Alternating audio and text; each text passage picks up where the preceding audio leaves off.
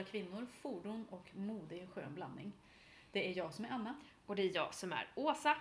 I förra avsnittet så pratade vi om alla schyssta nätverk som finns för kvinnor som jobbar i eller vill jobba i techbranschen. I det här avsnittet så lämnar vi vuxenvärlden för en stund och går till skolan och till förskolan istället.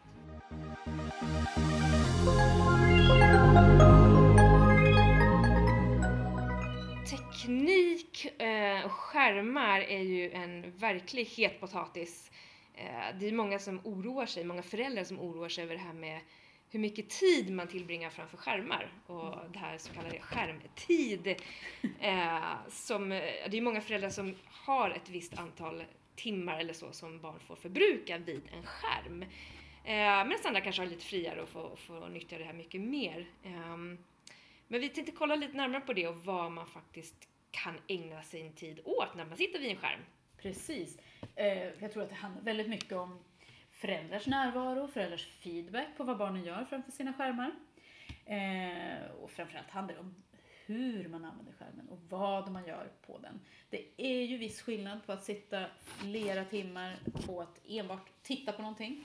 Eh, eller på att sitta och producera något eller på något sätt interagera vid sin skärm. Skärmarna är ju en naturlig del av barnens vardag. Det kommer vi inte ifrån. Så att det är självklart att man ska kunna använda dem tycker jag. Och det är ju också väldigt mycket fokus på skärmtid som du pratade om nyss och väldigt mycket mindre fokus på att de ska lära sig hur de här sakerna som vi använder varje dag är uppbyggda och hur de faktiskt fungerar. Men det- vissa menar ju liksom att det här med att programmera är ju någonting som kan bli lika viktigt i framtiden som att läsa eller räkna.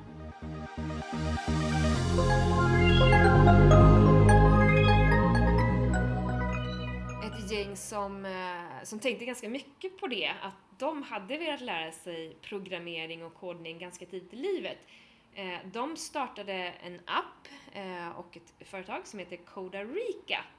Eh, Ja, det här är ett gäng svenskar. Jag har fått äran att träffa Eh, tjejerna i det här gänget, men de heter Louisa Levin, Rosalind Knapp, Sanna Nilsson och Marcus Lindström. Eh, och det här var i början på 2014 som de startade det här. Eh, och tanken med det är att de har skapat spel, men där man kodar, lär sig att koda.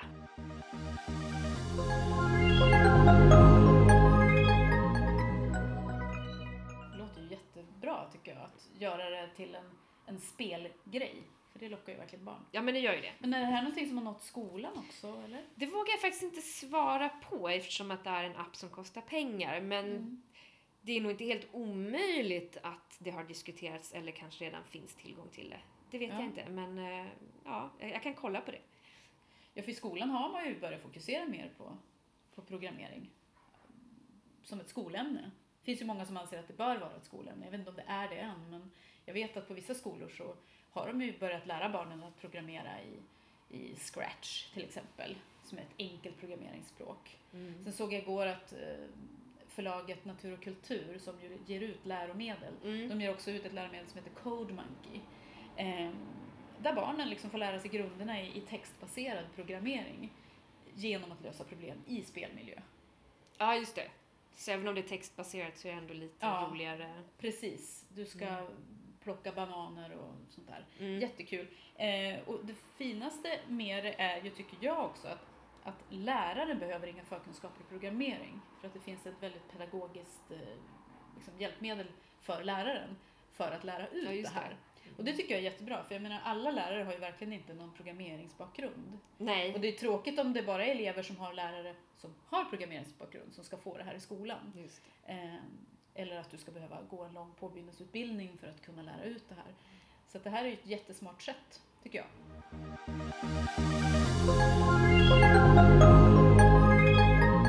Eh, Jag, eh, jag delar ju mitt hem med en lärare eh, Ja. som jobbar på grundskolan. Okay. Eh, och jag tycker det är intressant för han, nu vet, det här var väl kanske ett tag sedan, men han valde att det här med mobiler på lektionerna har ju varit ett ganska omdiskuterat problem oftast, Mm. att de störs av mobiler i, skola, eh, i klassrummen och sådär. Men han har tagit det eh, och vänt på det lite grann. Så att han tycker att man ska använda mobilen i undervisningen i, i den utsträckningen det går.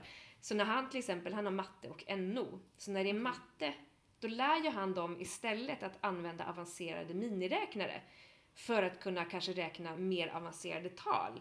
Istället för att sitta och kanske syssla med huvudräkning. Naturligtvis Just måste det. du ju använda hjärnan även när du använder miniräknare. Men att man då blandar det här eh, och lär eleverna att använda mobilen som sitt verktyg istället. Och när det är NO och de ställer kanske frågor som, som min sambo kanske är osäker på eller någonting Mm. sånt där. Eller att han bara vill utmana dem. Då ber han ju dem ta fram informationen själva. Ja. För det är så vi lever idag. Alltså allting är ju en googling bort, så är det ju.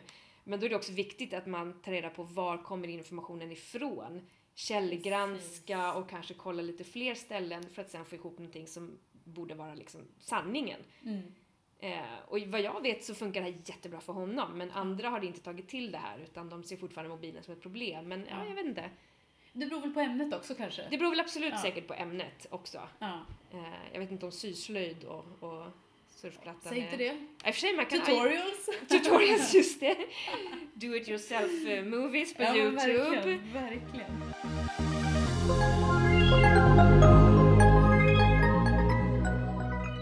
Men man kan ju också tänka, varför vänta tills de börjar skolan? I likhet med läsning så kan man ju faktiskt låta barn bekanta sig med digital teknik tidigare än så, alltså redan på förskolan. Jag vet att på dagis, så, förskolan menar jag, så får faktiskt barn så små som två, tre år använda appar som Puppet Pals och eh, Stop Motion för att tillsammans med pedagoger spela in och redigera egna filmer till exempel. Det är ju helt coolt galet. Ja, det är jätteroligt. Och Book Creator finns det en som heter. Då gör de egna böcker, egna digitala böcker med hjälp av foton och bilder och, och text. Eh, och det roliga är att de, de utforskar det här tillsammans med pedagogerna och i mindre grupper med andra barn. Så de är ju aldrig själva, de sitter ju aldrig i något hörn och pillar på mobilen. Nej, just det. Obevakade såklart. Mm. Utan det används som ett, ett, eh, ett pedagogiskt verktyg. Det tycker jag är fantastiskt roligt. Det ingår faktiskt i läroplanen, jag vet inte om det ingår i läroplanen för alla förskolor, men i stort sett så ska det tydligen vara så att barnen ska få bekanta sig med digitala hjälpmedel. Och det tycker jag är helt rätt. Mm. Jag också att det är så kul att det finns verktyg för de här småttingarna. Mm. Eh, för att förstå programmering. Det är inte bara det att de lär sig använda en mobil eller en iPad, utan det finns verktyg för att lära dem förstå programmering när de är från tre år. Jag har inte testat den här själv, men jag läste om en grej som heter Cubetto, som verkar så himla rolig. Eh, den lär alltså småbarn programmera innan de kan läsa och utan skärm. Har du hört på det, Åsa? Utan skärm. Mm, det känns ologiskt. Det gör det, ja. Men det är så här, den består av tre delar. Eh, en liten robot i trä. En, en fysisk eh, programmeringskonsol som är som en liten platta med spår i där man kan sätta små eh, block i olika färger. Och de här Aha. blocken, det är de som är koden så att säga. Ja, just det. De är, eh, innehåller instruktioner, så den röda med en pil till höger, den betyder höger och den blåa är rakt fram och så vidare. Då kan du bara programmera dem där till att eh, roboten ska gå någonstans, kanske efter en liten karta, gå från A till B. Eh, den kanske kan lära sig dansa eller snurra eller ja, alltihop. Det låter ju jättekul. Ja. Så pass kul att jag skulle Och vilja det är testa. av trä och det är ingen skärm och det är ju fantastiskt. Och det Men påminner om jättebra! Fia med knuff i utformningen. Det måste tilltala generationer av Ja, men människor, verkligen. tänker jag. Då kan inte ens de gamla stofilerna säga att eh, det där är fel. Nej, men jag känner det, liksom, är man orolig för att barnen tillbringar för mycket tid framför skärmar Ja. och ändå vill introducera barn för teknik, då kanske det här ändå kan vara någonting. Det här är ju då en sån här, jag vet inte om det är just Indiegogo, men det är någon sån här Ja, backningskampanj. Så jag tror inte den riktigt, riktigt finns än sådär. Men, men eh, man kan googla på Cubetto och kolla läget. Och jag tycker att det, det som är mest spännande med det, det är ju liksom att det är en fysisk manifestation av någonting som annars är digitalt. Mm, mm. Och jag tänker att liksom får man lära sig det den vägen först så blir det ju ingenting konstigt sen.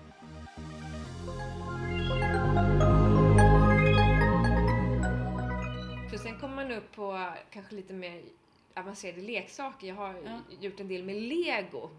Eh, varit på deras fabrik och huvudkontor och sett saker och fått testa. Och då har ju de en robot som jag helt plötsligt glömde bort namnet på, men en väldigt avancerad robot. Där man från relativt ung ålder bygger roboten på olika sätt. Den kommer som en standardfigur, men man kommer ut på nätet så hittar man att de har byggt om den till alla möjliga konstiga former. Men i den så finns det då en liten, liten minidator med en jätteliten display. Den här pluggar man in i sin dator och så kodar man vad man tycker att den här roboten ska göra. Och det är väldigt Ah. enkelt, det är mycket så här drag and drop.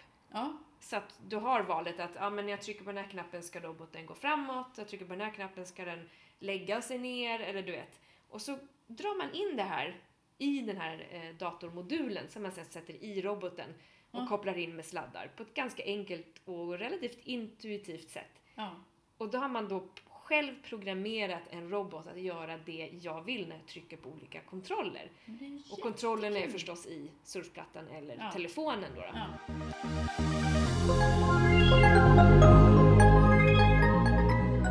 Jag eh, gjorde en grej för Nyhetsmorgon för kanske ett par år sedan.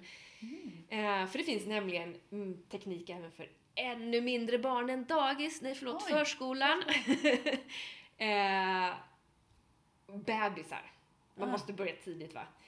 Så det här eh, företaget som heter Fisher Price som är väldigt stora inom barnleksaker och sådär. Mm, Eh, de har en serie där de bland annat har eh, babygym, eh, ja, men olika plastgrejer där man då sätter i en surfplatta eller en mobiltelefon. Och det låter jättedumt, jag Where is vet. this going? Jag vet, jag vet, det här är helt sjukt. Men då har de också naturligtvis tillhörande appar som visar saker för bebisarna som ska utveckla deras syn och sinnen. Så att det Ah. är musik som är anpassat, eller ljud snarare, som är anpassat för bebisarna och rörelser och färger som då bebisarna av någon anledning ska tycka var harmoniskt att titta på. Okej. Men det vart ju lite omstritt. Även Ja, jag när känner ju så här, nej, Ja. känner jag bara. Det var precis det de flesta gjorde. De Lite som så här tittade dålig och... barnvakt, känner jag. Ja, kanske det det. Men Ja, jag vet Jag inte. kanske Jag var fördomsfull. ja. Men det är väldigt tidigt att sätta in tekniken. Det är lite tidigt. Jag vet inte om jag... Alltså, man har ju läst ganska mycket saker om barns hjärnor och hur de fungerar. Nu kan jag inte referera till någon säker forskning, men jag har bara någon känsla av att är de verkligen färdiga att, att uppleva såna här saker? Det är det jag är lite rädd för. Ja, Jag vet inte hur det är, hur det ligger till. Men... nej jag vet inte heller. Men Spontant alltså, barn ser ju inte saker på det sättet, alltså små bebisar. Nej. Så jag tycker att det borde räcka med en vanlig mobil där du ser, alltså nu pratar jag mobil och mobil. Alltså men mobil, en fysisk, en fysisk med, mobil. Vet giraffer som hänger från taket. Exakt. En Ja. sån mobil tror jag tyck, alltså räcker alldeles utmärkt för en bebis istället för en iPhone eller en annan smart telefon. Ja, nej, vi, vi Mm. låter dem bli några år först. Jag tycker det, jag tycker det.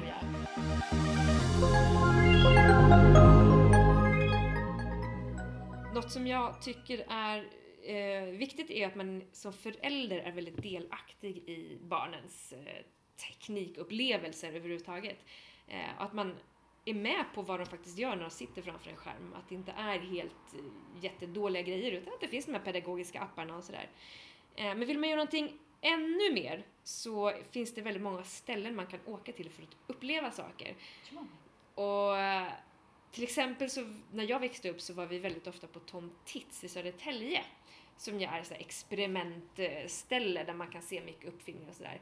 Och där får ju barnen vara väldigt kreativa och utforska och använda fantasin och, och, och göra saker. Väldigt konkret vad jag förstår. Väldigt konkret.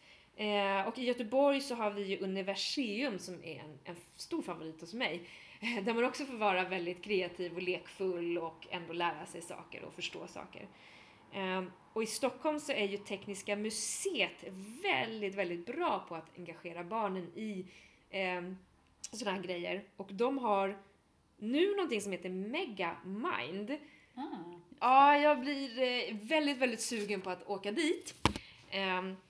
Det handlar om att, att barnen ska använda hjärnan och fantasin för att faktiskt lösa problem eller, eh, eller vad säger man, tillverka, kreera saker. tillverka. Tillverka. Producera. Producera, ja, whatever. Men man ska typ eh, måla med ögonen och styra med tankekraft och forma i luften och ja men en massa sådana här saker. Ehm, Och där tycker jag är jättekul att man kan ta med sig sina barn och göra det här. Och då kan man lära sig både som vuxen och som barn. Och det tycker jag är kul att man ser att det börjar komma sagoböcker som fokuserar på, alltså dels lite mer kanske konkret teknik som maskiner och robotar och sånt där, men också just programmering. Eh, eh, du hade ju sett någon bok. Hade inte du fått en bok som Jo, det damp ner faktiskt en bok i brevlådan, helt tipp som happ, som jag faktiskt eh, inte har bett om, men jag har varit väldigt glad. Eh, det kom från en PR-byrå och det är en bok som heter Project Prep som är skriven i, av en holländare Mhm. egentligen. Och det är faktiskt en roman på typ 300 sidor. Eh, det tog mig ett tag innan jag fattade att det var en roman. Eh, men det handlar då i den svenska versionen om den 13-åriga Isabelle som kommer på en idé till en app.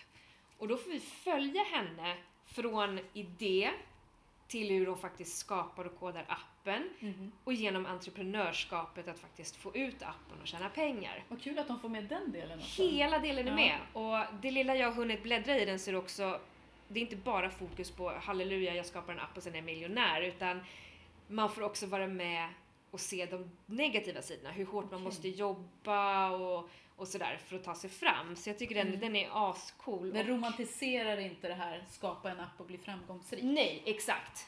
Och den riktar sig till ja, men 9 till 17 år eh, ska Mm. läsa den här Det boken. var en ganska bred Ja, väldigt bred. ålders- Ja, men den är också, och den är skriven på ett sätt som att det är en dagbok slash blogg. Så att man får läsa liksom olika tidpunkter, dagar och om hur de sitter i, hos vaktmästaren på skolan i en skrubb och sitter och kodar och sådär. Ja, men det, jag tror att den är riktigt, riktigt, riktigt bra. Så att det är ett tips. En väldigt kul bok. Ja. Project Prep.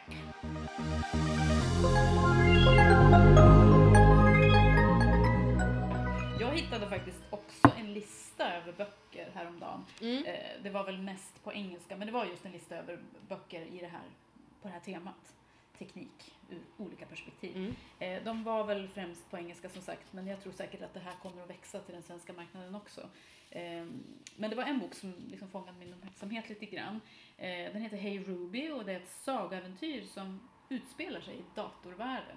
Wow! Ja, och där problem ska lösas och koder ska tolkas och skatter ska hittas och sådär. Så det blir ju som ett äventyr. Just det. Fast i den här En världen. modern saga. Ja men precis, en mycket modern saga och jag tror att den här boken hade lite utbildningssyfte också. För att det var tydligen övningar i slutet av boken som man kunde göra. Och det är helt okej. Men jag tycker att det viktiga är att ämnet blir lika vanligt i sagor som andra ämnen vi ser i Mm. sagor. Om djur och monster och mormor och morfar och kompisar och vardagsliv. Ehm, det borde ju liksom finnas hur mycket stoff som helst för sagor från den här världen. Mm. Utan att det blir så här instruktionigt och utbildningsaktigt. Mm. Utan att det blir bara det det är, en saga. Jag tänker direkt då på att man faktiskt kan nyttja tekniken även fast man läser en fysisk bok. Ja. Till exempel augmented reality. Mm. Att man kanske fotar någonting i, eller håller upp kameran på den här sidan. Så kanske man kan se, om det nu är ett monster man läser om, så kan man se den framträda i mobilen. ja, precis. Det är lite coolt. Så kan man knyta ihop det så får man ett, ja, men ett sammanhang om man vill det. Ja, men precis. Och man kanske skulle kunna lösa problem och se hur lösningen växer fram och se Ja, resultatet på något vis. Samtidigt som man läser i en traditionell bok. Kanske finns något sånt, jag vet inte. Nej, jag vet faktiskt inte heller. Det vore kul. Har vi en affärsidé? Det låter så. Vi ska bli barnboksförfattare. Eh, men det tar vi efter den här podcasten. Vi kör ett reklamavbrott nu. Precis, precis. Vi be right back.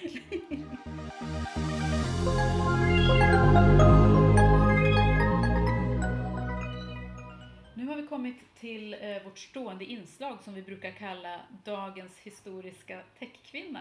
Men idag har vi valt att droppa historiska och bara köra dagens techkvinna. Varför uppehålla sig bara vid historien? Den är förvisso väldigt spännande men vi har ju mycket annat att tänka på i nutiden också. Så att idag ska vi fokusera på en tjej som heter Linda Liukas och som är från Helsingfors. Och hon har skrivit den här boken jag nämnde förut, Hey Ruby eh, sagan i datorvärlden. Eh, den här tjejen hon lärde sig att programmera helt på egen hand när hon var 13 år. Oj, det var bra, jobbat. Ja, det tycker jag. Och detta gjorde hon för att hon skulle kunna skapa en hemsida om den dåvarande presidentkandidaten Al Gore, som hon var lite besatt av vid den här Okej. tidpunkten. Ja. men hon gillade honom för att han var lite underdog i kampanjen och för att han hade ett sånt brinnande miljöengagemang, Eh, vilket han ju fortfarande har, vad jag vet. Eh, så att hon gjorde det här och lärde sig mer eller mindre från scratch att programmera för att hon var intresserad. Eh, och hon har också startat ett globalt initiativ för att få kvinnor att börja programmera helt enkelt.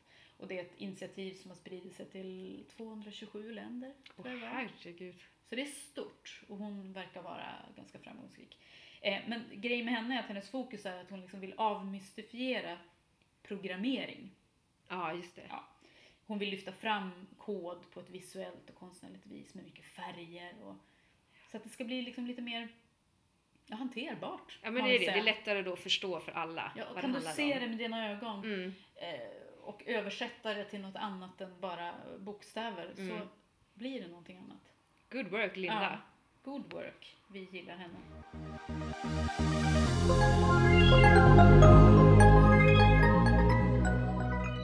I nästa avsnitt så tänkte vi faktiskt ta och kika lite på det här med bilen. Haha, spännande. Yes! Vi ska absolut inte ge recensioner på den senaste Volvon eller liknande, utan vi ska gå in lite och kolla på tekniken i bilen som är jätte, jätte avancerad och eh, intuitiv. Blir det självkörande bilar? Vi kommer garanterat prata om självkörande bilar. Vad bra. Då Yes. Jag, med. jag har nämligen inget körkort så jag behöver en. Just det, bra! Det kan man diskutera. Behöver man körkort för en självkörande bil? Ja, bra fråga. Good. Ja, Det ser bra jag bra där. Det ser jag fram emot. Har ni några frågor eller åsikter och tankar så får ni jättegärna mejla oss på hedlundvallenrud@gmail.com eller kolla in vår Facebook-sida förstås. Självklart. Det var allt för idag. Tack ska du ha. Vi hörs.